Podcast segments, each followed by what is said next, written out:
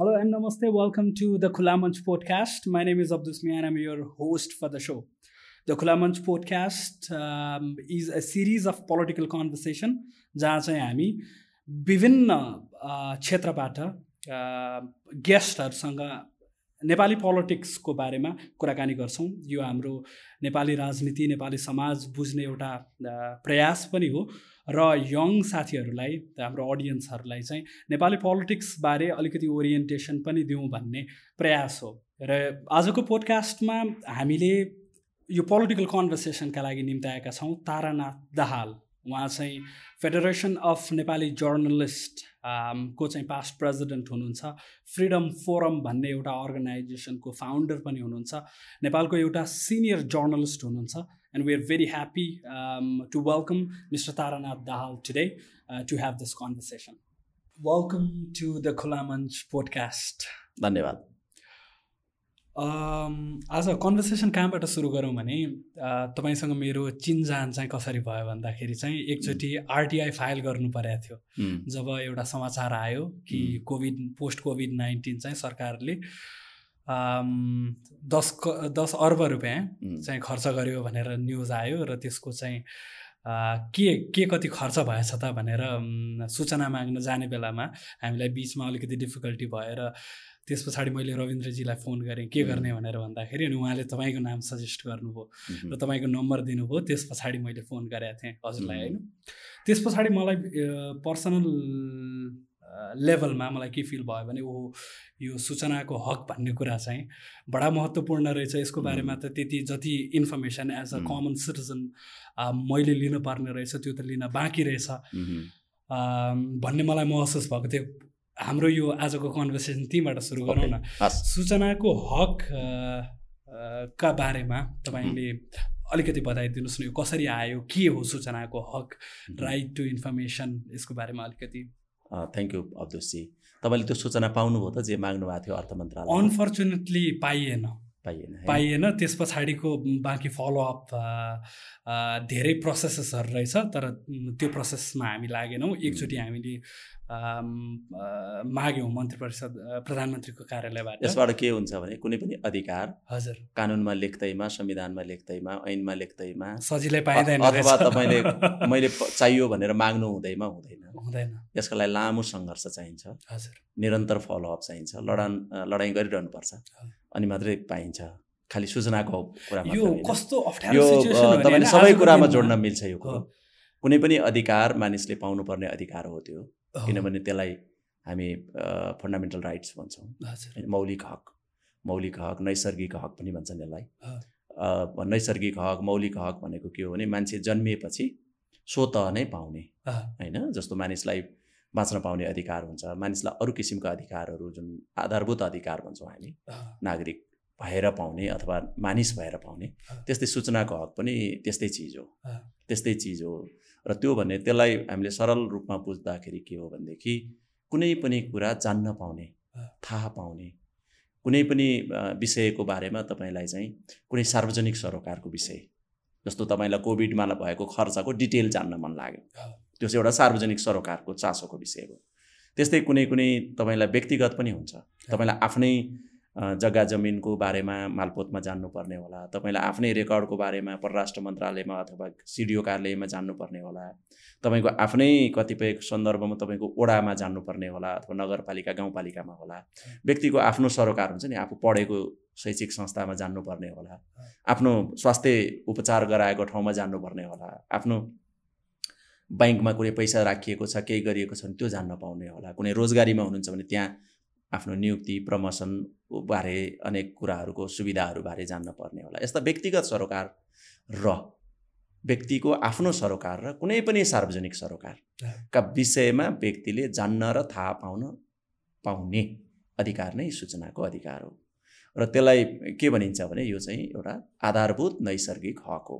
हाम्रो संविधानमा अहिलेको संविधानमा धारा सत्ताइसमा त्यसलाई मौलिक हकको रूपमा राखिएको छ र त्यहाँ भनिएको के छ भनेदेखि हरेक नेपाली नागरिकलाई आफ्नो सरोकार र सार्वजनिक सरोकारको सूचना माग्ने र पाउने हक हुनेछ भनेर त्यहाँ राखेको छ। त्यो चाहिँ त्रिसठी सालको अन्तरिम संविधानमा पनि थियो। त्योभन्दा अगाडि गएर तपाईँको चाहिँ सत्तालिस सालको संविधानले पहिलो पटक त्यसको धारा सोह्रमा चाहिँ यस्तो हक नेपाली नागरिकलाई हुनेछ भनेर लेखाएको थियो। अब यो विधानमा तिस वर्ष भयो नि त होइन? तिस वर्ष एकतिस वर्ष भयो तर अहिलेको पुस्तालाई पनि अझै आम मानिसलाई पनि सूचनाको हक भने कुन चराको नाम हो के अचम्मको चिज हो यो कस्तो हो? यो भन्ने कुरा अझै ज्ञान छैन। पुर्याउन सकेका हामीले छैनौँ। त्यसकोबाट के थाहा हुन्छ भनेदेखि अहिले पनि नेपाली नागरिकहरू चाहिँ जान्न पाउने र थाहा पाउने अधिकारबाट उनीहरूले लाभ लिन सकेको अवस्था छैन। वञ्चित छन् र मानिसहरू थाहा पाएको अवस्थामा छैनन्। मानिसहरू जानेको अवस्थामा छैनन्। सुसूचित हुनुपर्छ नि कुनै पनि मानिस। तपाईँले आफ्नो कर्तव्य के हो?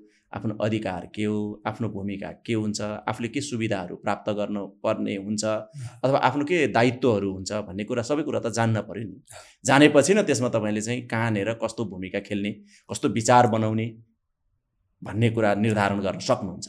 त्यो एउटा ना मानिस भएर एउटा नागरिक भएर हामी लोकतन्त्रको जब कुरा गर्छौँ भने लोकतन्त्र भने त हरेक मान्छेले चलाउने तन्त्र हो।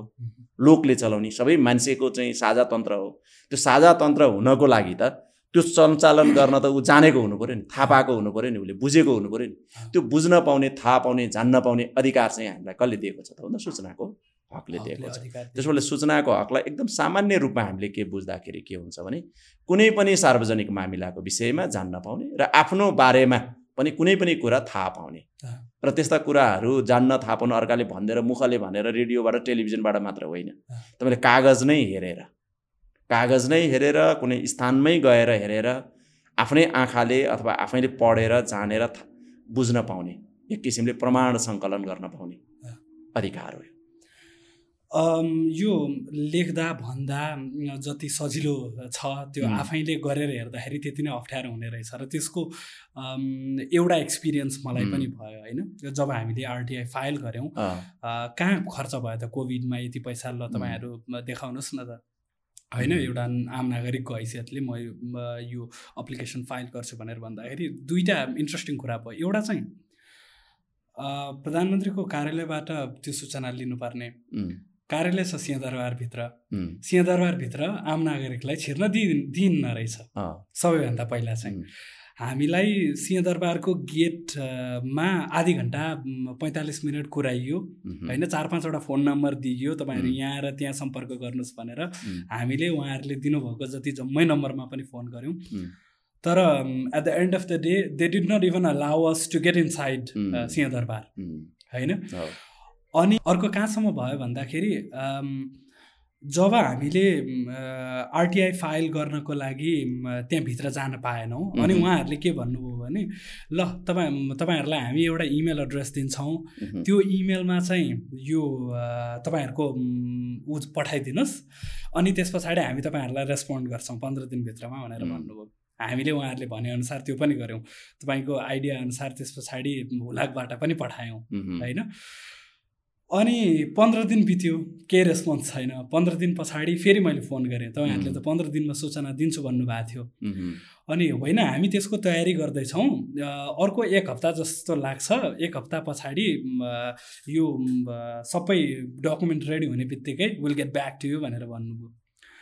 ल ठिकै छ नि त अलि ठुलो सूचना रहेछ। उहाँहरूले केही समय लगाउनु भयो भनेर हामीले सोच्यौँ। र त्यसको केही समय पछाडि एक हप्ता जति पछाडि फेरि एकचोटि फोन गर्दाखेरि फेरि सम्पर्क हुन सकेन होइन? त्यस पछाडि त्यो फोन यताबाट उता ट्रान्सफर गर्ने हुँदा हुँदा त्यो सूचना पाउँदै पाइएन। अब तपाईँको निवेदन अझै मर्या छैन? किनभने जबसम्म तपाईँले सूचना पाउनुहुन्न तबसम्म तपाईँको निवेदन यथावत हुन्छ। अब यो त एउटा आम नागरिकको मानिलिउँ एउटा एउटा एउटा पब्लिक इन्स्टिट्युसन तिन चारवटा तिन चारवटा कुराहरू तपाईँको यो अहिलेको अनुभवले हजुर। अहिले प्रश्न उठ्यो। हजुर। म त्यसमा जान चाहन्छु। पहिलो कुरा त तपाईँको तपाईँले जुन खर्च विवरण माग्नु भएको थियो अर्थ मन्त्रालयसँग हजुर। त्यो अर्थ मन्त्रालयसँग मागेको तपाईँको निवेदन अहिलेसम्म रेस्पोन्स भएको छैन। यसको अर्थ के हो भने तपाईँको निवेदन अहिले पनि प्रक्रियामै छ।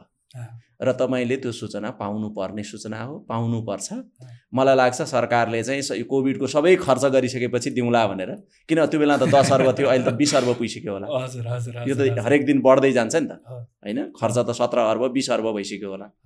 अब त्यो खर्चको तपाईँले फेरि फलोअप गर्नुहोस्। सूचना अर्थ मन्त्रालयको सहसचिव हुनुहुन्छ एकजना रामेश्वर दङ्गाल भन्ने। उहाँलाई चाहिँ उहाँ सूचना अधिकारी हुनुहुन्छ। उहाँलाई गएर मेरो यो मितिको सूचना अनुसारको सूचना तपाईँले दिनु भएन कहिले दिनुहुन्छ? दिने कि तपाईँ नदिने भए मलाई का कारणसहित पत्र दिनुहोस्।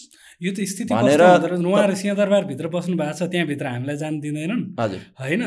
फोन गऱ्यो भने अब त्यो पर्सनल मोबाइलमा फोन गरेर कहिले खुल्छ कहिले यही हो। यसबाट के भयो त भन्दाखेरि हामी कहाँ सूचनाको हक भए पनि सिंहदरबार जहाँ चाहिँ केन्द्रीय सचिवालय छ संसदको सचिवालय पनि त्यहीँ छ।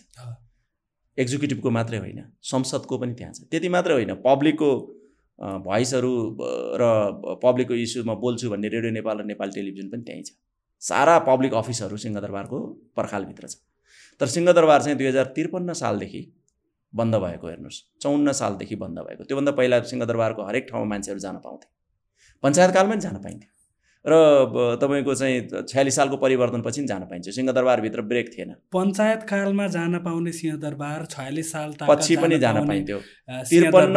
लोकतान्त्रिक गणतन्त्र स्थापना भइसक्यो त्योभन्दा आम नागरिकका लागि किन बन्द चौन्न सालदेखि चाहिँ माओवादीको जब सशस्त्र युद्ध अगाडि आयो अनि बाहना मिल्यो शासकहरूलाई कि अब हामीलाई सुरक्षा थ्रेड भयो भनेर।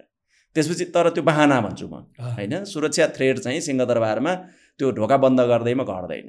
किनभने कसैले बम हान्ने नै योजना बनायो भने अथवा त्यहाँभित्रका हाकिमलाई अथवा त्यहाँभित्रका नेतालाई पेस्तोलै ताक्ने प्लान बनायो भने त्यो छेक्न कसैले पनि सक्दैन। हामीले होइन? जोसुकै जान सक्छ त्यहाँ दलालहरूलाई जहिले पनि खुल्ला छ। होइन? भित्रबाट एउटा पिउनलाई तपाईँले बिस रुपियाँ घुस खुवाउनु भयो भनेदेखि त्यो पिउनले खुरुको तपाईँलाई पास दिन्छ। होइन? त्यहाँ तपाईँलाई सजिलै पास हुन्छ। त्यहाँ चाहिँ ओहोरदोहोर गर्ने बिचौलियाहरूलाई कसैले रोकेका छैन। त्यहीँभित्रको कर्मचारी चाहिँ त्यस्तो आतङ्कवादीसँग मिल्न पनि सक्छ। त्यहाँबाट यो सुरक्षाको बाहनामा रोकिएको सिंहदरबार आजसम्म खुलेन। खुल्दै खुलेन खुल्दै खुलेन तपाईँको चाहिँ बैसठी त्रिसठीको जनआन्दोलनपछि। त यो सिंहदरबारको केन्द्रीय सचिवालय त अब त खुल्नुपर्छ। किनभने अब त मुलुकमा परिवर्तन आयो। यत्रो ठुलो परिवर्तन आयो। अब शान्तिपूर्ण सम्झौता पनि भयो। शस्त्र विद्रोही र तपाईँको अरूको बिचमा सम्झौता पनि भयो। अब त मुलुकमा चाहिँ लोक गणतन्त्र पनि घोषणा भइसक्यो एक किसिमले अन्तरिम गणतन्त्र घोषणा भएको थियो होइन। अब यो अवस्थामा त सिंहदरबार जनताको घर हो नि त्यो त। हामी लोकतन्त्र भन्छौँ लोकतन्त्र सञ्चालन त सिंहदरबारबाट हुन्छ। भनेपछि लोकतन्त्र जहाँबाट सञ्चालन हुन्छ त्यहाँ नै जनताको एक्सेस छैन भने के को लोकतन्त्र? के को प्रजातन्त्र? जुन संसदमा जनताले आफ्ना कुरा राख्न जान पाउँदैन जुन केन्द्रीय सचिवालयमा मानिसहरूले आफ्ना पीडा दुःख मर्का खोजी जान्न पाउने कुराहरू भन्न जान पाउँदैन निवेदन दिन पा जान पाउँदैन। कुनै नेताको पुच्छर बनेर जानुपर्ने हुन्छ। कुनै कर्मचारीलाई घुस खुवाएर पास मागेर जानुपर्ने हुन्छ। होइन? भनेपछि यो सिंहदरबार खोल्नु पऱ्यो भनेर मैले चाहिँ सिंहदरबार खोल्ने अभियान पनि सुरु गरेँ। त्रिसठी सालपछिका प्रत्येक प्रधानमन्त्रीलाई मैले यो लेखेर दिएको छु। सिंहदरबारको ढोका सर्वसाधारणको लागि खोलिनुपर्छ भनेर। र यसमा तपाईँको चाहिँ जति प्रयास गरे पनि नभएपछि पछि मैले यसमा सूचनाको हकै प्रयोग गरेर। होइन? कहिले खोलिन्छ किन बन्द गरेको हो? ककसलाई खुल्ला हुन्छ के आधारमा खुल्ला हुन्छ यो सम्पूर्ण निर्णयहरूको प्रतिलिपि चाहियो भनेर मागेपछि सूचना आयोगमै यो मुद्दा पनि पुग्यो। सूचना आयोगले पनि खोल भनेर आदेश दियो। त्यसपछि के भनियो भने सूचना माग्ने नागरिकको हकमा सिंहदरबारभित्र कुनै पनि निवेदन लिएर गयो भने खोल्ला ढोका खोल्ला हुन्छ भनेर राष्ट्रिय सूचना आयोगले फैसलामा गर्यो। तर मुख्य सचिवले त्यो कुरो मान्यो। तर तपाईँको हकमा जब तपाईँ सूचनाको हकको निवेदन लिएर जान खोज्दै हुनुहुन्थ्यो तपाईँले पाउनु भएन। भनेपछि त त्यो पनि अहिले चाहिँ एक किसिमले चाहिँ त्यो सङ्घर्षले ल्या गरेको निर्णय पनि फेरि असफल बनाइयो। र अहिले कोभिडको नाउँमा चाहिँ फेरि मानिसहरूलाई जान रोकियो। होइन महामारीको बाहना बनाएर फेरि जान रोकियो। अब यसले के देखिन्छ भनेदेखि हाम्रो चाहिँ सूचनाको हक कसरी चाहिँ कुण्ठित भइरहेको छ? यसले सूचनाको हक मात्रै कुण्ठित गर्दैन। एउटा नागरिकको सहभागिताको हुन्छ नि। एउटा त्यसले एउटा हाम्रो होल राजनैतिक प्रणाली सामाजिक प्रणाली र आम नागरिकको बिचको सम्बन्धलाई प्रतिबिम्बित गर्छ सिंहदरबारको ढोका बन्द हुनुले। कि हाम्रो त्यहाँभित्र गएपछि चाहिँ शासकहरू मात्रै बस्ने हो त्यहाँ? त्यहाँभन्दा बाहिर चाहिँ शासितहरू बस्ने हो। र शासितहरूलाई चाहिँ शासकहरूसँग संवाद गर्ने छुट छैन। उनीहरू भेट्न पाउँदैनन् जान पाउँदैनन्। तपाईँको काम कर तिर्ने हो कर जति गएर सिंहदरबारमा जम्मा हुन्छ सिंहदरबारले करमा मस्ती उडाउने हो भने यो कुरा चाहिँ त्यसले प्रतिबिम्बित गर्छ। र अहिले अरू हाम्रा संविधान अहिले पछिका प्रक्रियाहरू यी सबै हास्यास्पद हो भन्ने कुरा सिंहदरबारको एउटा पर्खालले भनिदिन्छ। होइन? कुनै पनि लोकतान्त्रिक देशमा चाहिँ तपाईँको सेन्ट्रल सेक्रेटारिएटमा त्यस्ता पर्खालै हुँदैन। तपाईँ अमेरिकन व्हाइट हाउसमा चाहिँ सुरक्षा थ्रेट छैन। You can go enter compound तपाईँ हरेक मान्छे अमेरिकामा व्हाइट हाउसमा घुम्न पाउँछ। होइन? स्केन्डिभियनहरूको त कुरै नगरौँ। राजदरबारभित्र मै नर्वेको प्या रोयल प्यालेसभित्र सुई सुई गएको छु। कहीँ गाह्रै छैन। सुरक्षा थ्रेड सिंहदरबारमा के छ भनौँ दुइटा स्क्यानर मेसिन राख्दै हुँदैन। नेपाली नेताहरू चाहिँ अलि धेरै चारवटा ढोका चारवटा ढोका चारैवटा ढोका खोलेर चारवटा ढोकामा तपाईँको मानिसलाई स्क्यान गर्ने मेसिन राख्न सकिँदैन। कति पैसा लाग्ला त्यसलाई? एक्ज्याक्टली होइन? गाडीलाई पनि स्क्यान गर्न सकिन्छ। त्यो कुनै ठुलो कुरै होइन। तपाईँको कुनै हात हतियार लिएर गएको छ कुनै के छ भने त्यो अथवा त्यहाँ पार्किङको भिड हुने भने गाडी चाहिँ लानु नदिनुहोस् न त। पैदल जाऊ नागरिकलाई भनिदिनुहोस् कि गाडी पार्किङको समस्या हुन्छ। गाडी लिएर नजाऊ भिडभाड हुन्छ भने पैदल जानु जाऊ पैदल जानु त्यहाँ भनेर त्यहाँभित्रको तर्क के हुन्छ? मानिसहरूको यति मानिसहरू यति फ्लो हुन्छ र त्यहाँ काम गर्न पाउँदैनन्। त्यसो भए सिंहदरबार बाहिरको अफिसमा कामै भएको छैन त? मेरो अर्को प्रश्न छ। सिंहदरबारभित्र मात्रै सबै अफिस छन् त? कतिवटा मन्त्रालय त अहिले पनि बाहिर छन् कतिवटा विभागहरू त सबै बाहिरै छन्। होइन? अरू कार्यालय पनि बाहिरै छन् के? त्यसो भए सिंहदरबारभन्दा बाहिरका कार्यालयमा चाहिँ नागरिकले भिड गरेर काम गर्न नदिए अवस्था छ त। लोकतन्त्र यसबाट कुनै पनि कुतर्क त्यहाँभित्रको सुरक्षाको पनि कुतर्क हो त्यहाँ नागरिकको भिड हुन्छ भन्ने पनि कुतर्क हो त्यसले एउटा माइन्ड सेटलाई झल्काउँछ। त्यो माइन्ड सेट के हो भने कर्मचारी तन्त्र आफूलाई एउटा छुट्टै वर्गको रूपमा त्यहाँ राख्न चाहन्छ। शासकहरू त्यो कर्मचारी तन्त्रले जे भन्यो त्यही कुरा चाहिँ उनीहरू दङ्ग परेर गर्छन्। तपाईँको अब संसद भने जनताको लागि कानुन बनाउने ठाउँ नीति बनाउने ठाउँ। त्यसको सचिवालय कहाँ छ? सिंहदरबारभित्र छ। कुन विधेयक आयो? कस्तो कानुन बन्दैछ? के आउँदैछ? तपाईँलाई त्यसमा संशोधन गर्न मन लाग्यो होला? विचार दिन मन नला तपाईँलाई आफ्नो प्रतिनिधि भेट्न जान मन पर्यो। जनताले त प्रतिनिधि चुनिएको छ नि त। रिप्रेजेन्टेटिभ डेमोक्रेसी हो नि त आफ्नो प्रतिनिधिलाई कहाँ भेट्ने त उसले? त्यहीँ जानु पऱ्यो ऊ जान पाउँदैन त्यहाँ। को जान पाउँछ त्यहाँ? ती नेताले पास दिएपछि जान पाउने। अथवा त्यहाँभित्रको कर्मचारीले पास दिएपछि जान पाउने। पास भन्ने बित्तिकै त्यहाँ पहुँचको कुरा के आएन। फोन गर्नुपर्छ त्यति मैले भेटाएको छु सिंहदरबारभित्रको एउटा पिउनले पास बेचेर मात्रै महिनामा चालिस हजार कमाउँदो रहेछ। पास सञ्चार मन्त्रालयको एउटा पिउनले बाहिर मान्छेलाई पास बेचेर चालिस हजार पैसा कमाउँदो रहेछ। किन मान्छेलाई जान परिरहेको हुन्छ। अनि फोन गऱ्यो अनि पिउनले खुरुक्क पास पठाइन्छ अनि त्यो महिनामा दुई हजार पाँच हजार लिँदो रहेछ। त्यसको केसहरू मैले फेला पारेको छु। अब यो सबैको विरुद्ध सिंहदरबार खोलो अभियान पनि हामीले चलाएको तर के भने अब नेपालमा के छ भने खास कोर भ्यालुजमा मान्छेहरू लड्दैनन्। बाहिर बाहिर कुरा मात्रै गर्छन्। होइन सिंहदरबार अभियानमा चाहिँ मैले अलिकति पोलिटिकल मान्छेहरूलाई पनि इन्भल्भ गरौँ। भनेर त्यो बेलामा साथीहरू हुनुहुन्थ्यो। अहिले सायद उहाँ बाबुराम भट्टराईको पार्टीमा हुनुहुन्छ एकजना। प्रशान्त सिंह। प्रशान्तजी म त्यो त्यो त्यसपछि मैले विवेकशील विवेकशीलको साथीहरूलाई पनि भने। तपाईँहरू यो मुभमेन्ट बनाउनुहोस्। तर मुभमेन्ट भइरहेको छैन सिंहदरबार खोल्ने। हेर्नुहोस्। हामीले हिट गर्ने कोर कुरै त्यहाँ जबसम्म तपाईँ सिंहदरबार पब्लिकको लागि एक्सेस गर्नुहुन्न त्यो को मान्छे जान पाउँछ र जान पाउँदैन ठुलो कुरो होइन कि? मलाई त सधैँ खुल्ला छ नि। म त प्रिभिलेज मान्छे हुँ होइन? तर आम मान्छेको म त म त एउटा बोनाफाइड चिनिएको देशले चिनेको एउटा पत्रकार हुँ। मलाई जहिले पनि जुनसुकै ठाउँ पनि खुल्ला छ। मेरो एक्सेसको लागि मैले गरेँ होइन नि। होइन? तर यो सिंहदरबारभित्रको एक्सेसको जबसम्म खुल्ला हुँदैन। लोकतन्त्रको प्रारम्भै हुँदैन हेर्नुहोस्। मैले यसमा एक घन्टाभन्दा बढी सुशील कोइरालासँग विवाद गरेको छु। उहाँ त अहिलेको एमङ द यो भएका प्राइम मिनिस्टरमध्ये अलिकति अलिक pro people pro democrat leader भनेर उहाँलाई मैले कन्भिन्स गरेँ।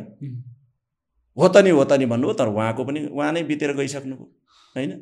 तपाईँको कुनै पनि प्राइम मिनिस्टरले अहिलेसम्म चाहिँ सिंहदरबार खोल्ने निर्णय गरेको छैन। केपी ओली अहिले इलेक्टेड भएर प्राइम मिनिस्टर आएको मेरो फेसबुक तपाईँले त्यो बेलाको पोस्ट हेर्नु भने त्यहाँ मैले त्यही लेखाएको छु। पहिलो निर्णय सिंहदरबारको गेट जनतालाई खोला गर भनेर। कसैले पनि खोल्दैन। अनि संसदलाई भने के हो त यस्तो? अनि संसदको समितिले मानवाधिकार समितिले त्यसको सभापति छन् कृष्ण पोखरेल भन्ने त्यो मेरो क्लासमेट हुन् मेरो साथी हुन्। मैले उनलाई भने त्यो त्यस्तो त भएन नि।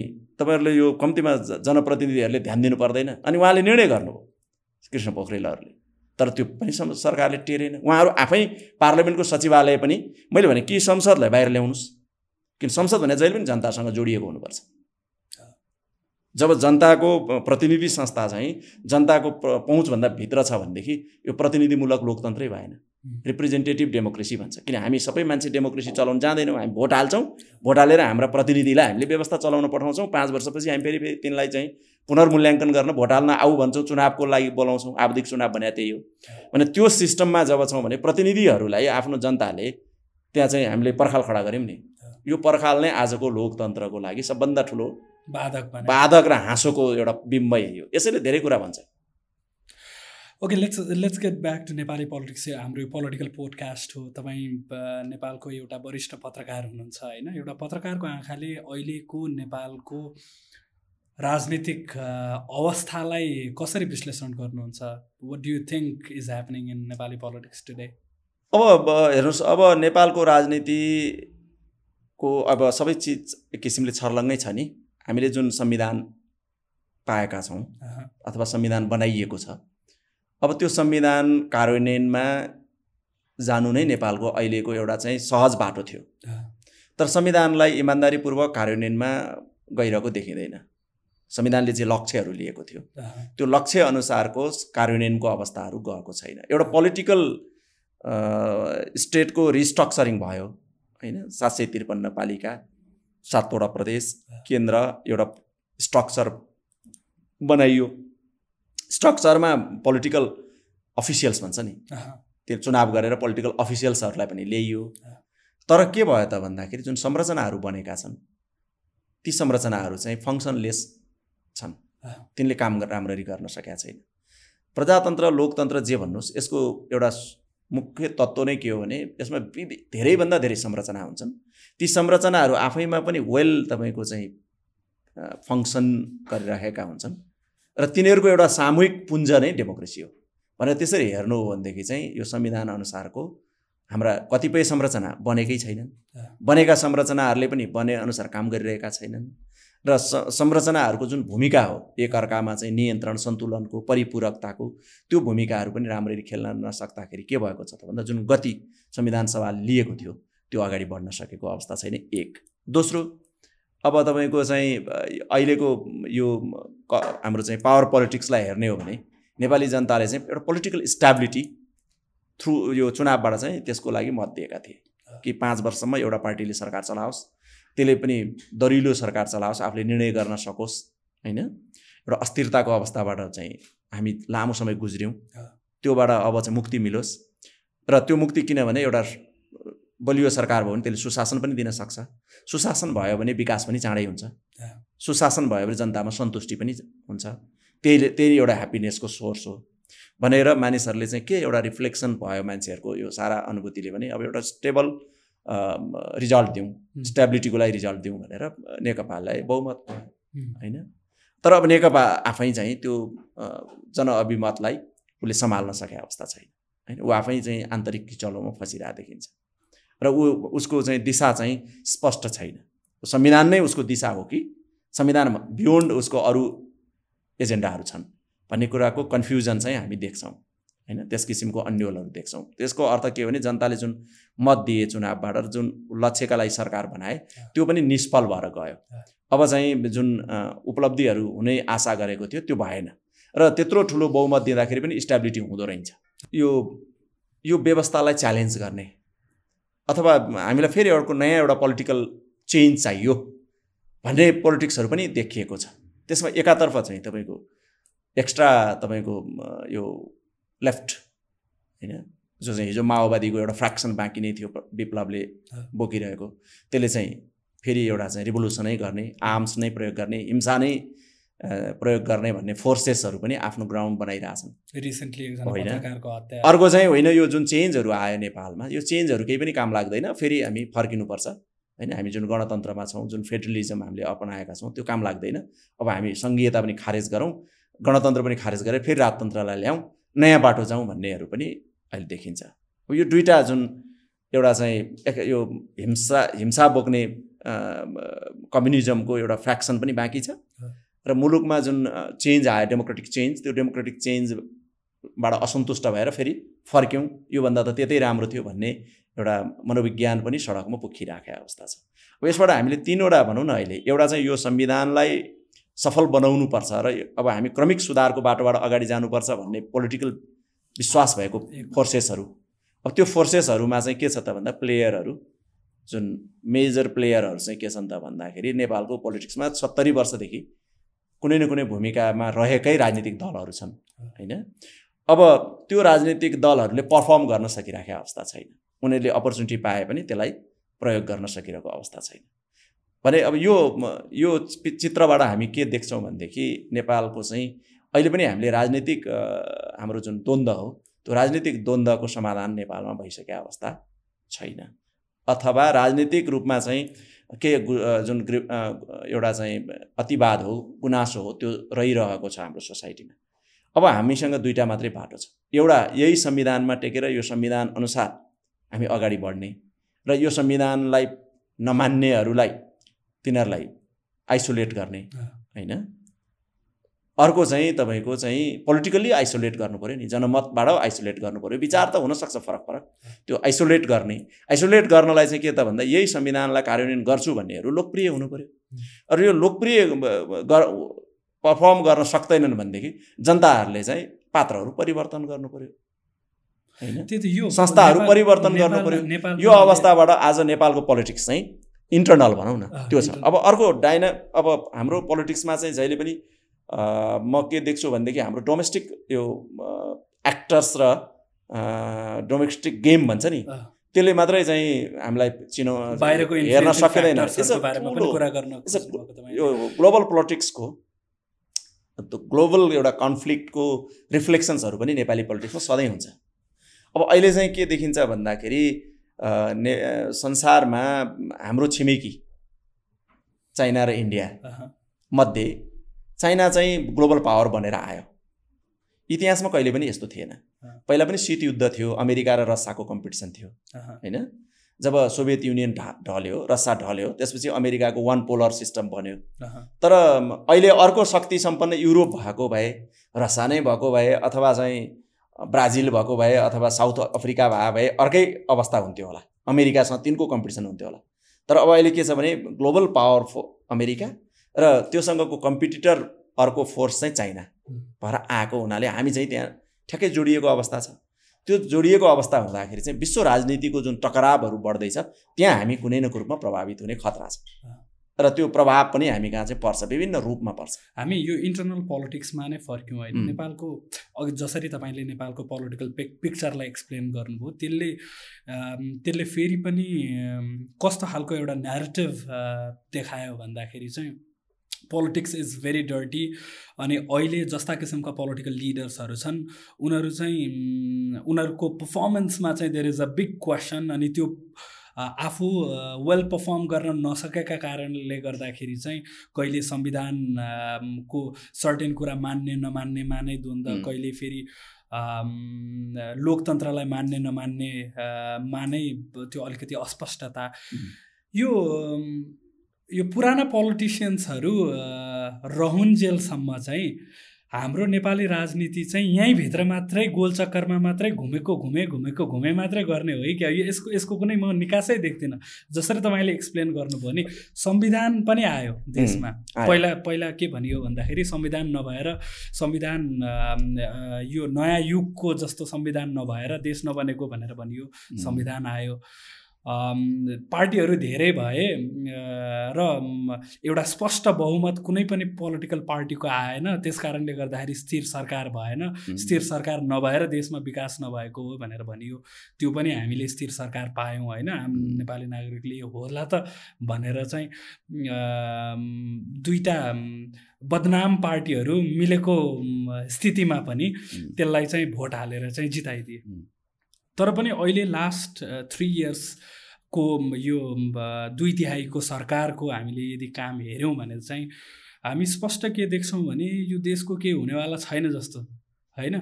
मेरो उमेर समूहका साथीहरू मेरो पुस्ताका मान्छेहरू अहिले पोलिटिक्स इज डर्टी गेम र अब यहाँ त बाँच्नै सकिँदैन कि बस्नै सकिँदैन कि यहाँ त करियरै बनाउन सकिँदैन कि भन्ने किसिमको त्यो स्टेट अफ माइन्डमा पनि छन् होइन? कति कतिपय साथीहरूलाई म मेरो साथीहरूसँग म हिजो अस्ति मात्रै एकजना साथीसँग कुरा गरिरहेको थिएँ। अनि कलेजको साथीहरू कतिजना नेपालमा छन् भनेर हामीले काउन्ट गरेको त्यस्तै एक सय पचासजनाको हाम्रो क्लास थियो। अहिले सातजना कि आठजना चाहिँ हामी नेपालमा रहि रहेछौँ। हेर्नुहोस् त कस्तो दुर्भाग्य हो। होइन? अनि मेरो मात्रै क्लासको कुरा होइन अहिले त झन् यो बढेर गएको तपाईँले सहरमै सर्वे गर्नु भने सहर सबै वृद्धाश्रम भइसक्यो।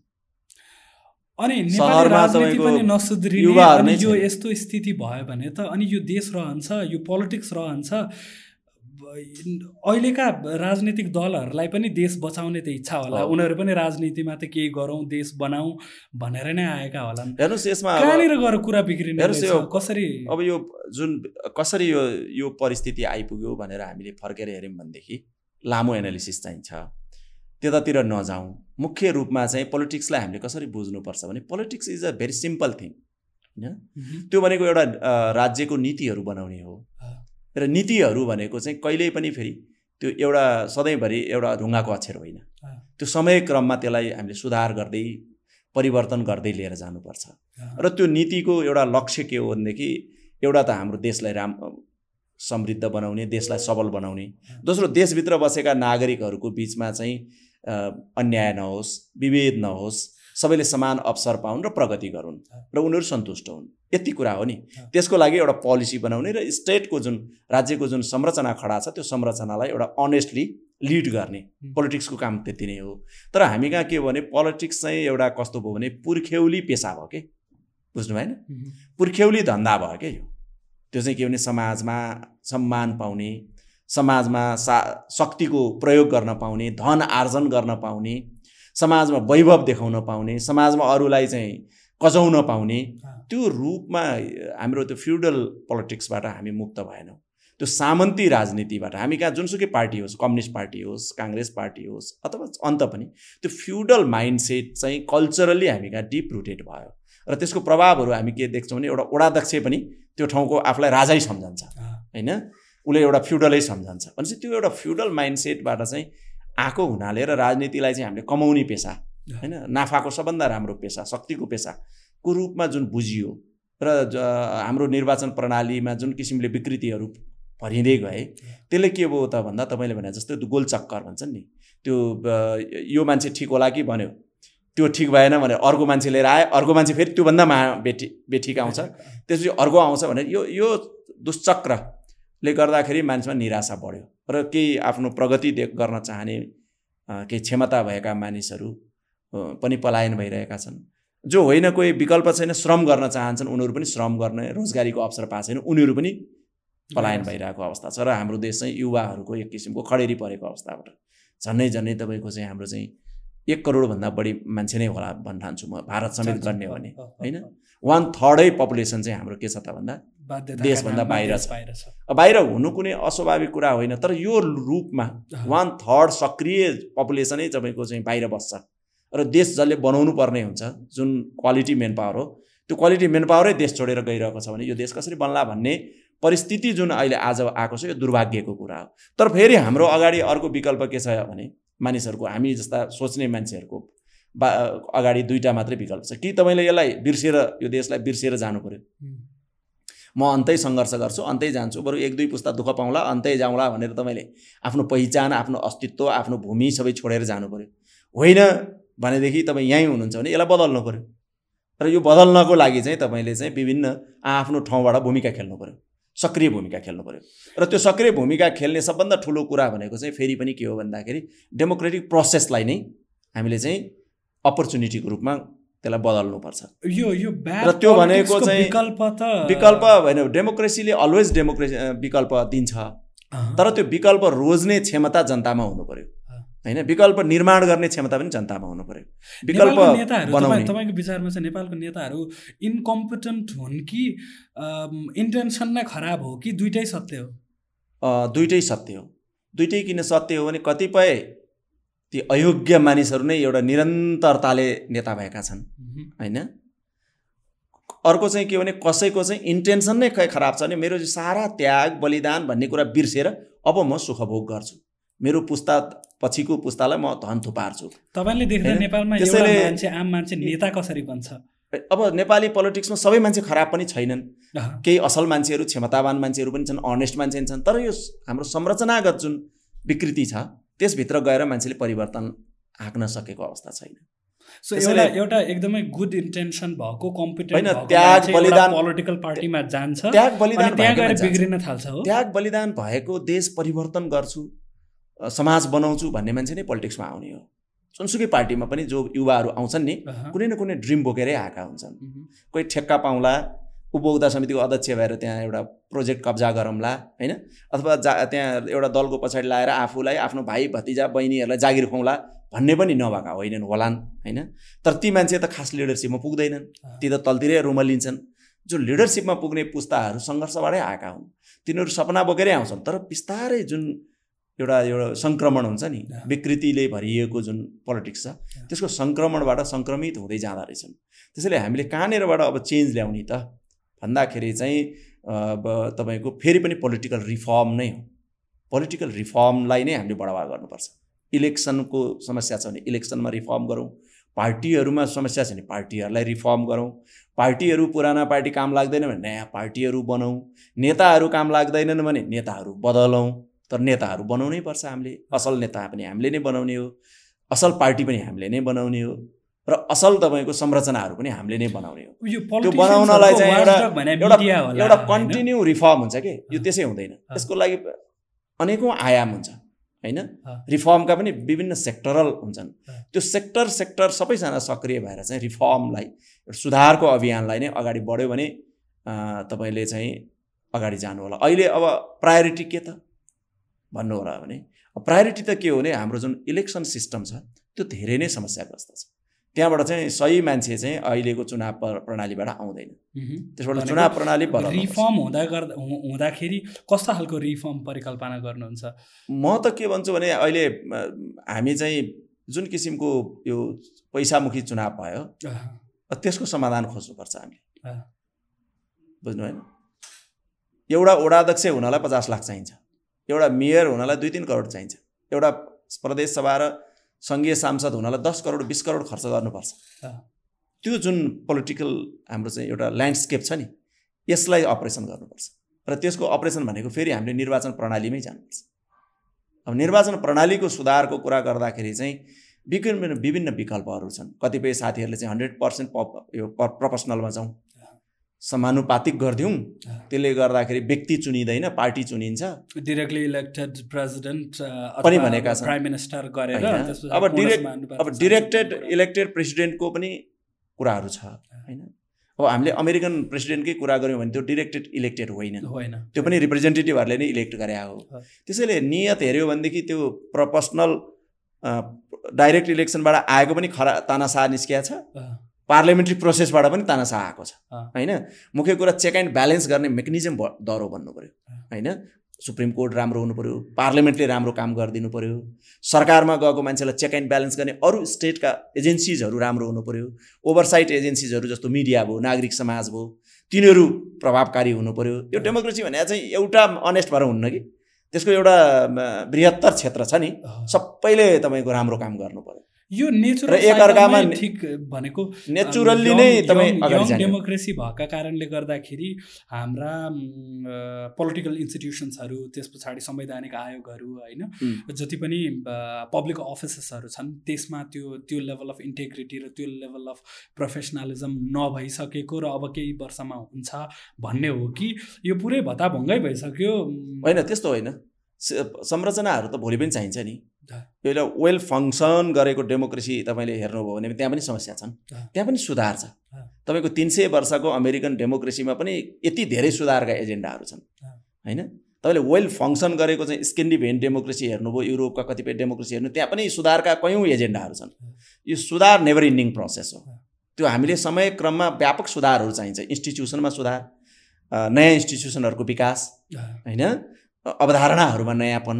यो एउटा कन्टिन्यू प्रोसेस हो। डेमोक्रेसी भनेको यस्तो एउटा गति हो नि त्यो गति चाहिँ बेगबान भइरहनुपर्छ। त्यो ग त्यो त्यसलाई फेरि रोक्नु फेरि नयाँ सुरु गरौँ भनेर भने फेरि हुँदो रहेछ। यो प्र प्रोसेस नेचुरल प्रोसेसबाटै त्यसले फिल्टर गर्दै गर्दै गर्दै राम्रो पक्ष छान्दै जानुपर्छ। र आज नेपाली पोलिटिक्समा पनि हामीले बहस गर्नुपर्ने कुरा चाहिँ के भने यो ग्लो ओभरअल पिक्चरलाई लिएर तपाईँले एउटा निराशाको अभिव्यक्ति गरेर पुग्दैन। होइन? प्रब्लमहरूलाई हामीले केलाएर अनि प्रब्लमहरूलाई चाहिँ समाधान दिने विकल्पहरू चाहिँ सोच्नुपर्छ। र एकैचोटि त्यो विकल्पले समाधान पनि दिँदैन। यसमा अलिकति मिडिया रोलको बारेमा पनि अलिकति कुरा गरौँ। तपाईँ आफै मिडिया र नेपाल त्यस्तो छ। मिडिया र नागरिक समाज भने पनि के हुन्छ भने त्यो पनि हाम्रो यो आर्थिक सामाजिक जुन परिवेश छ नि हाम्रो सोसियो इकोनोमिक जुन स्ट्रक्चर छ त्यसैको प्रडक्ट हो होइन? मिडिया त्यसले गभर्मेन्टलाई रेक्टिफाई गर्न सक्दैन। होइन गभर्मेन्ट जस्तै हुन्छ भन्नु कुनै न कुनै हालतमा गरिरहेको हुन्छ। अहिले तपाईँले तर कुनै न कुनै हालतमा त्यो इन्फ्लुएन्स पनि हुन्छ। हाइली इन्फ्लुएन्स होइन? तपाईँले तपाईँले अहिले हेर्नुभयो भने अधिकांश पत्रकारहरू पत्रकार भने त मिडिया भने त गभर्मेन्टको एक हिसाबको अपोजिसन हुनुपर्ने हो नि त। गभर्मेन्टले केही गल्ती गर्ला खबरदार भनेर बस्नुपर्ने स्थिति हो नि त। यहाँनिर के छ तर यहाँ त नेताको पछि लगा लागेर पत्रकारहरू हिँड्ने त्यस्तो छ कि? मिडिया मिडियालाई मिडियालाई मिडिया भनेको चाहिँ के हो भने एउटा साधन हो। बुझ्नु भएन साधन मात्रै भनेर साधन मात्रै चौथो अङ्ग किन भन्ने होइन त्यो नै त्यो चाहिँ एउटा पोलिटिकल जार्गन हो त्यो। त्यो तपाईँको चौथो अङ्ग भन्छन् नि स्टेटको फोर्थ स्टेट भन्छन् नि। फोर्थ स्टेट भन्छन्। फोर्थ स्टेट भनेको त्यो जार्गन हो। त्यसलाई सिरियसली लिन परेन। त्यो हुँदै होइन। तपाईँको एउटा जस्ट एउटा चेक एन्ड ब्यालेन्सको मेकानिजम हो। होइन? शक्ति सन्तुलन र नियन्त्रणको एउटा माध्यम मात्रै हो मिडिया र विज्ञानले विकास गर्यो विभिन्न किसिमको टेक्नोलोजी आए। त्यहाँ चाहिँ त्यो के भने के कुरा बोल्ने लेख्ने भन्ने हो। र एउटा जर्नलिजमको प्रिन्सिपलहरू डेभलप हुँदै आएको हो। तर अन्तत्वगत के भने त्यो एउटा इन्डस्ट्री पनि हो। होइन? र त्यसमा कसले इन्भेस्ट गर्छ भन्ने कुरा इम्पोर्टेन्ट हुन्छ। र त्यसका कन्टेन्टहरू चाहिँ त्यसको इन्भेस्टमेन्टले गाइड गरिरहेको हुन्छ। अब हाम्रो देशमा भन्नु भने त thirty percent media landscape government itself त्यसको इन्भेस्टर्स हो। गभर्मेन्टले thirty percent investment thirty percent मिडियाको जति शक्ति छ भनौँ न तपाईँले हन्ड्रेड शक्ति मान्नुभयो भने थर्टी पर्सेन्ट पाइ हुन्छ नि। त्यो सिङ्गै गभर्मेन्टको रेडियो नेपाल नेपाल टेलिभिजन गोर्खापत्र र तपाईँको चाहिँ रासस यो त अब मुखपत्र भयो। यो चाहिँ भन्दा पनि। यो मिडिया त हो नि त। होइन? त्यहाँ पनि जर्नलिस्ट छन् त्यहाँनिर मिडिया छ। तर त्यसले के दिन्छ त भन्दा? त्यसैले त्यो नै त्यो पाइ नै तपाईँको चाहिँ के हो त भन्दा त्यो नै बदल्नुपर्छ। जब तपाईँले कुरा गर्नुभयो भने मिडियालाई जब तपाईँले एउटा फेयर मिडियामा ल्याउनु हुनुहुन्छ भने पहिला गभर्मेन्टले त्यो कम्प्लिट छोड्नुपर्छ। आजसम्म छोडे होइन। रेडियो नेपाल नेपाल टेलिभिजन लगायतका जति पनि सरकारी सञ्चार पहिलो काम नै तपाईँले नेपाली मिडियामा नेपाल मिडियामा सुधार गर्ने हो भने र मिडियालाई इफेक्टिभ बनाउने हो भने फर्स्ट तपाईँले गर्नुपर्छ के? सरकारबाट ती सबै सञ्चार माध्यमहरू मुक्त हुनुपर्छ। मुक्त एक। दोस्रो मिडियामा इन्भेस्टमेन्ट हुन्छ नि त। मिडियामा चाहिँ एउटै मान्छेले रेडियो नि चलाउनु पाउने टेलिभिजन नि चलाउनु पाउने पत्रिका नि चलाउनु पाउने हरेक त्यसलाई भन्छन् मिडिया मनोपली। त्यो दिनु भएन। होइन? तेस्रो मिडियामा कसको पैसा इन्भेस्ट भइरहेको छ? मिडियाको अनरसिप चाहिँ ट्रान्सपरेन्ट हुनु पऱ्यो त्यो त्यसको लागि पोलिसीहरू चेन्ज गऱ्यो भने हामीले बल्ल एउटा डेमोक्रेसीलाई सुहाउँदो मिडिया ल्यान्डस्केप तयार गर्छौँ। अनि त्यहाँ पनि फेरि विकृति चाहिँ फेरि हटेर जाँदैन। त्यहाँ पनि फेरि पोलिटिकल इन्फ्लुएन्स पार्टीका लिडरहरूको इन्फ्लुएन्स तपाईँको कुनै गलत मान्छेहरूको इन्फ्लुएन्स त्यहाँभित्र पनि विकृति विसङ्गति आउँछ। त्यसलाई फेरि फेरि चेक एन्ड ब्यालेन्स गर्ने मिडिया इन्स्टिट्युसन्सहरू चाहियो। होइन मिडिया काउन्सिल्सहरू अथवा त्यस्तै प्रोफेसनल एथिक्सहरूलाई हेर्ने इन्स्टिट्युसन्सहरू त्यसैले यो रिफर्म छ नि मिडियामा पनि रिफर्म जरुरी छ। तर तपाईँले भने जस्तो बाहिर भएको मिडिया चाहिँ कतिको प्रोफेसनल छ नेपालमा? होइन सरकारको बाहिर भएको मिडिया पनि कुनै न कुनै रूपमा त्यो अर्कोको पन्जामा छ क्या। बुझ्नु भएन? फेरि के छ भने त्यो कुनै एउटा सर्टेन भेस्टेड इन्ट्रेस्ट भएको व्यापारीको कब्जामा छ होइन? अथवा भेस्टेड इन्ट्रेस्ट भएको पोलिटिसियनको कब्जामा छ। किन त्यसको ओनरसिप कहाँ छ भन्ने कुरा आउँछ होइन? कसले इन्भेस्टमेन्ट गरेको छ? इन्भेस्टमेन्टले जहिले पनि कन्टेन्टलाई अहिले अहिले नयाँ जुन टेक्नोलोजीले गर्दाखेरि अब त हरेक आम नागरिक सिटिजन सिटिजन भयो। द्याट्स अ ग्रेट अपर्च्युनिटी यो जुन डिसेन्ट्रलाइजेसन भएको छ नि इन्टरनेटले सम्पूर्ण कुरालाई डिसेन्ट्रलाइज गरिदियो। सोसाइटीका चाहिँ नट ओन्ली मिडिया एभ्रिथिङ होइन? सबै चिजलाई डिसेन्ट्रलाइज गरिदिएको छ। त्यो भत्काएको अवस्था छ अहिले। र अहिले नयाँ सिर्जनाहरू भइरहेको छ जस्तो मिडियामै कुरा गर्नु भने अब अहिले अनलाइन चाहिँ मेन स्ट्रिम जस्तो भइसक्यो। मान्छे रेडियो सुन्दैन टेलिभिजन हेर्दैन पत्रिका पढ्दैन अनलाइनको कन्टेन्टले लिड गरिसक्यो नि त। भनेपछि त इन्टरनेट बेस्ड मिडियाहरूको फ्लोरिस भइरहेछ। भने अब त्यहाँनिरबाट चाहिँ फेरि त्यसलाई चाहिँ हामीले राइट ट्र्याक दिन सक्नुपर्छ। यो एउटा यो सही समय हो। नागरिक समाजको अलिकति कुरा गरौँ न। तपाईँले नेपाल नेपालमा भएको नागरिक समाज कस्तो छ कतिको एक्टिभ छ अब यसलाई इन जेनरल एउटै हिसाबले नागरिक समाजलाई भन्न गाह्रो छ। नागरिक समाज भने त एउटा बृहत्तर ल्यान्डस्केप हो होइन? त्यो डेफिनेसनमा त हो तर तर अब पर्टिकुलरली भनौँ न विभिन्न एरिया र इस्युजहरूमा काम गर्नेहरू नागरिक समाज सङ्गठित भएका हुन्छन्। एउटा नागरिकहरूको एउटा चाहिँ स्टेटभन्दा बाहिरको। स्टेटभन्दा बाहिरको र प्राइभेट इन्डस्ट्री व्यापारभन्दा बाहिरको जसले बिजनेस गर्दैन अथवा जसले पावर पोलिटिक्स गर्दैन। पावर पोलिटिक्स नगर्ने र बिजनेस नगर्ने एउटा इन्डिपेन्डेन्ट सिटिजन्सहरूको विभिन्न इस्युजहरूमा बोल्ने अभियानहरू चलाउने समाजलाई नागरिक समाज भनिन्छ होइन? अधिकारका लागि काम गर्ने। कतिको अब त्यो त्यो नागरिक समाजलाई अलिकति नागरिक समाजको पनि हामी कहाँ चाहिँ विकासकै क्रममा छ। र नागरिक समाज चाहिँ तपाईँको रियल नागरिक समाजको इमर्ज हुनुपर्छ नि। त्यो भइसकेको छैन। कहिलेकाहीँ घटना प्रधान अवस्थामा आएको छ जस्तो बैसठी त्रिसठी सालको मुभमेन्टमा नागरिक समाज अगाडि आयो। कुनै ह्युमन राइट्सको एजेन्डा आइपऱ्यो होला कहिलेकाहीँ त्यो बेलामा आएको होला। यो स्वाभाविक पनि हो। तर जुन एउटा भाइब्रेन्ट वाच डग भन्छ होइन? नागरिक समाज जसले चाहिँ सरकारको दुईवटा कुरा गर्नुपर्छ यसले। एउटा निगरानी गर्ने क्षमता राख्नुपर्छ। निगरानी गर्ने क्षमतै राख्नुपर्छ कि निगरानी गर्छु भनेर हुँदैन। गर्ने क्षमता हुनु पऱ्यो जस्तो तपाईँको ओडामा नागरिक समाज छ भने नागरिकहरू छन् जो चाहिँ डाइरेक्टली स्टेटसँग छैनन् र बिजनेससँग छैनन्। होइन बिजनेसको इन्ट्रेस्टसँग छैनन् तर पब्लिक इस्युमा बोल्ने छन् भने उनीहरूले चाहिँ त्यहाँको लोकल गभर्मेन्टलाई निगरानी गर्ने क्षमता राख्नु पऱ्यो र निगरानी गरेर अनि त्यो कुरा जे देख्छ त्यो कुरालाई इन्डिपेन्डेन्टली बोलिदिन सक्ने क्षमता चाहियो। त्यस किसिमको नागरिक समाजहरू नभई डेमोक्रेसी चल्दैन। त्यो डेमोक्रेसीको लागि अपरिहार्य कुरा हो। तर हामी कहाँ के छ भने ठुलो जमात चाहिँ पोलिटिक्सले इङ्गेज गर्छ। होइन? हाम्रो so many political party political पार्टीहरूले मान्छेहरूलाई इङ्गेज गर्छ अलिकति बोल्नु चाहने मान्छेहरूलाई। अर्को के हुन्छ भनेदेखि तपाईँको अनि विभिन्न इन्ट्रेस्ट ग्रुपहरू हुन्छ।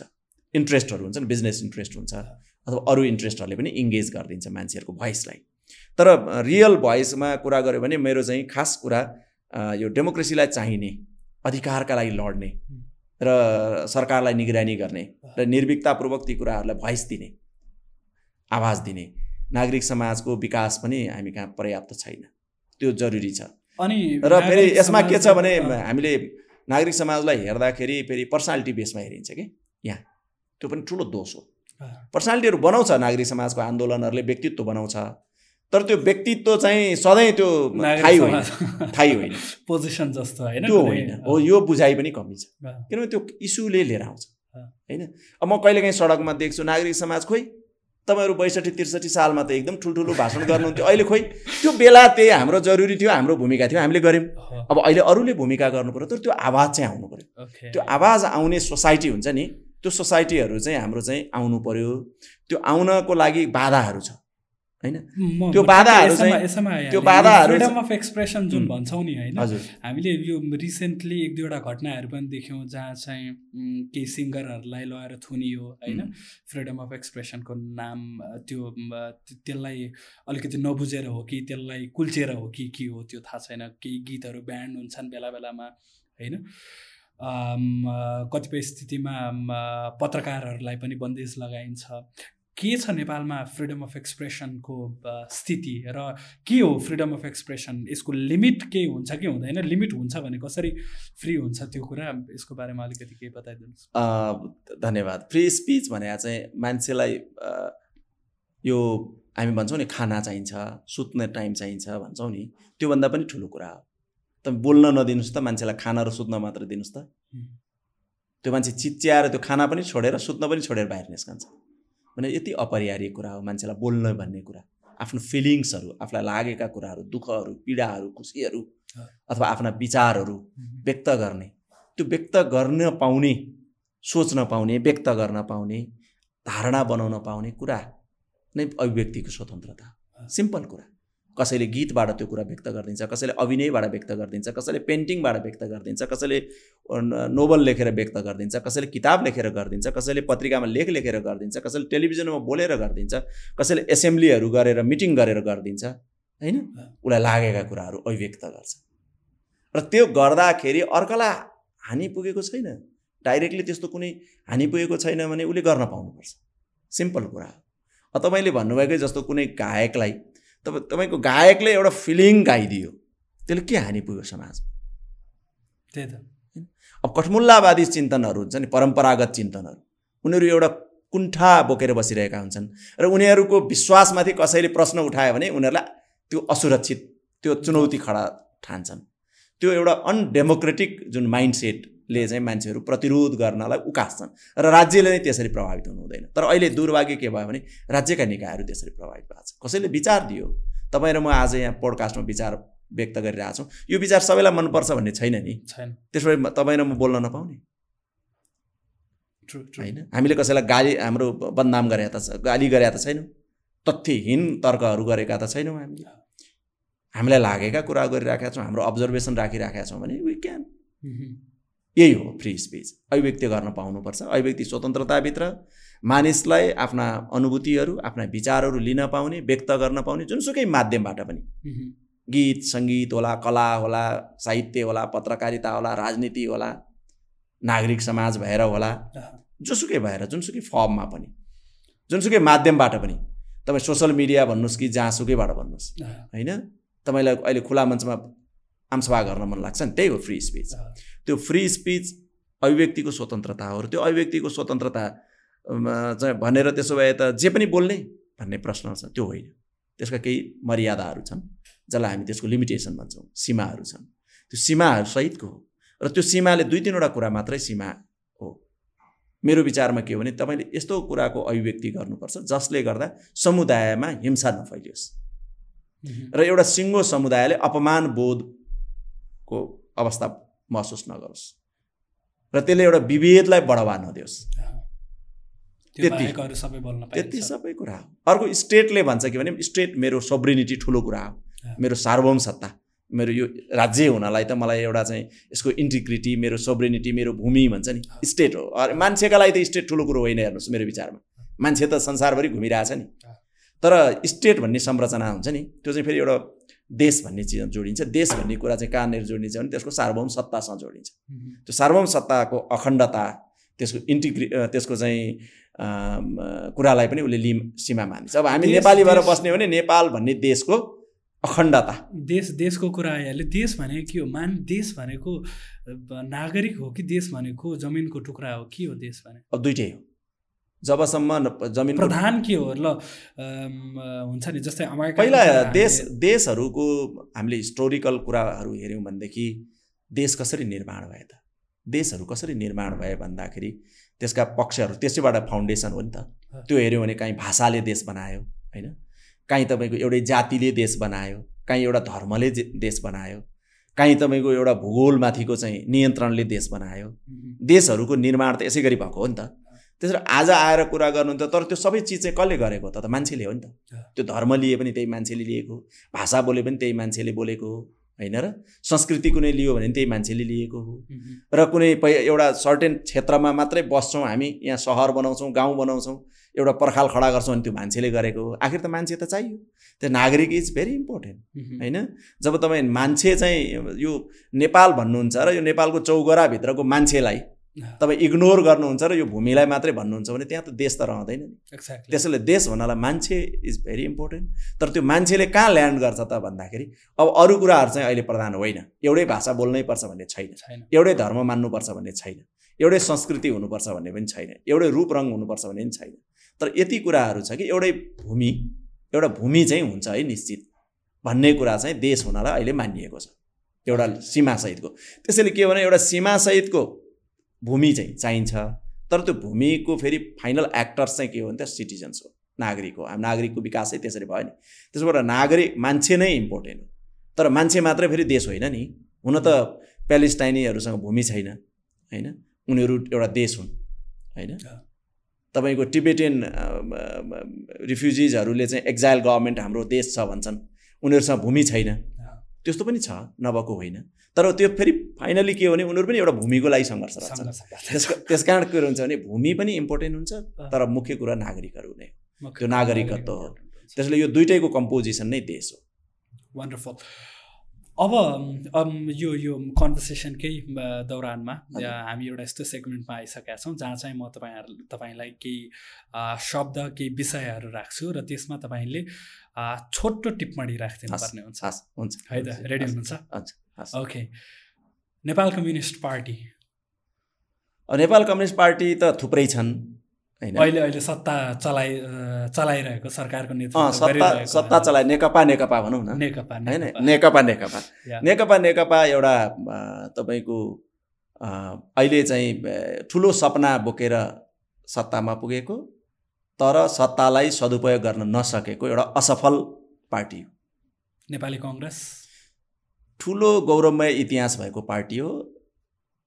लोकतन्त्र त्यसले आफ्नो सिद्धान्त भन्छ तर आफैमा त्यो लोकतान्त्रिक पनि छैन। र यति बेला त्यो इतिहासको गौरव मात्रै गाएर बसेको छ। भो भोलिको लागि भोलिको चुनौतीप्रति त्यति गम्भीर छैन। जनता समाजवादी पार्टी। त्यो त एउटा विभिन्न त्यसले अझै स्वरूप लिएको छैन। त्यो अझै एउटा अस्पष्ट सङ्गठन हो। विवेकशील साझा पार्टी। आशा र भरोसा मानिसले गरेको तर खास यसले अझै स्वरूप नलिइसकेको एउटा सङ्गठन हो। नेपालको संविधान। यो मेरो विचारमा यो धेरै नै सामिक छ पूर्ण त छैन यो सामिक छ तर यो प्रयोगकर्ताहरूबाट असफल बनाउन थालिसकिएको दस्तावेज ओके त्यस पछाडि राजा आऊ देश बचाऊ। यो त एउटा तपाईँको सपना हो र यो के हो भने यो इतिहासप्रतिको एउटा चाहिँ कसै कसैको त्यो दोष स्वप्न दोष भन्छ नि त्यो मात्रै हो त्यस त्यो कुनै सान्दर्भिक विषय होइन। Press council? त्यो अलमोस्ट सत्ताले धुजा धुजा बनाइसकेको अर्थहीन संस्था हो। फेडरेसन अफ नेपाली जर्नलिस्ट यो नेपाली पत्रकारहरूको एउटा साझा सङ्गठन हो र यसको गौरवपूर्ण इतिहास थियो। कुनै बेला म त्यसको सभापति पनि थिएँ। तर अहिले त्यो पनि कुनै न कुनै रूपमा सत्ता जस्तो भएको छ। आन्दोलन भइरहेको छैन। अन्त्यमा मैले सोध्न बिर्सेका सोध्न नपाएका तर तपाईँलाई हाम्रो यो कन्भर्सेसन सुन्ने स्पेसल्ली यङ साथीहरू जो चाहिँ नेपाली राजनीतिको बारेमा पनि केही थाहा पाउन चाहन्छन् ती साथीहरूका लागि के भन्न चाहनुहुन्छ? अब छलफल गर्नुपर्ने ब बोल्नुपर्ने विषय त तपाईँ हाम्रो अनन्त हुन्छन्। हामी बोल्दै जाउँला तर आजको यो पडकास्टमा जे छलफलहरू असाध्य रमाइलो लाग्यो। र मेरो नयाँ हाम्रो श्रोताहरू जो सुनिरहनु भएको छ साथीभाइहरू नयाँ पुस्तालाई के भन्छु भने हेर्नुहोस् हाम्रा अनन्त चाहनाहरू हुन्छन् एउटा मान्छेका अनन्त चाहनाहरू हुन्छन् आकाङ्क्षाहरू हुन्छन् तर एउटा हामी एउटा सबैको एउटा लिमिटेसन पनि हुन्छ। त्यो त्यो त्यो लिमिटेसन भनेको हाम्रो नेपाल हो। र यो नेपाललाई हामीले बदल्नुपर्छ। यो नेपाल बदल्नको लागि यहाँको राजनीति बुझ्नुपर्छ। र राजनीति बुझ्ने मात्र होइन राजनीतिमा सहभागी हुनुपर्छ। र त्यो राजनीति राम्रो राजनीति भयो भने यो नेपाल राम्रो देश बन्छ। र राम्रो राजनीति बन्नको लागि सार्वजनिक विषयहरू पब्लिक एफेयर्स भन्छौँ नि त्यो कुराहरूमा चासो दिने राख गरौँ। बुझौँ सहभागी हुन थालौँ र सक्रिय नागरिक हौँ। नेपालमा सबभन्दा दुर्भाग्य नै के भने अर्काले गरिदिनुपर्छ। तपाईँले कुनै अधिकारको कुरा गर्नु भने अर्कालाई अर्काले गरिदिनु। गाउँमा खानेपानी पनि अर्काले ल्याइदिनुपर्छ कुलो पनि अर्काले बनाइदिनुपर्छ रोड पनि अर्काले बनाइदिनुपर्छ तपाईँलाई सूचना पनि अर्काले ल्याइदिनुपर्छ तपाईँलाई पनि आफू गर्न साल्नु पऱ्यो आफू सक्रिय हुनु पऱ्यो मैले के भने नेपालमा सबभन्दा ठुलो खाँचो नै सक्रिय नागरिकको हो। सक्रिय नागरिक बन्नको लागि नयाँ पुस्ता तयार होस्। पुराना नेताहरूले गर्दैनन् भनेर फ्रस्ट्रेसन मात्रै व्यक्त नगरौँ। पुरानो पुस्ताले जे गर्यो तिनको लागि आफ्नो लागि गर्यो। अब हाम्रो लागि हामी आफै गर्नुपर्छ र आफू अगाडि बढ्नुपर्छ र सक्रिय नागरिकत्व बिना लोकतन्त्र चल्दैन देश चल्दैन।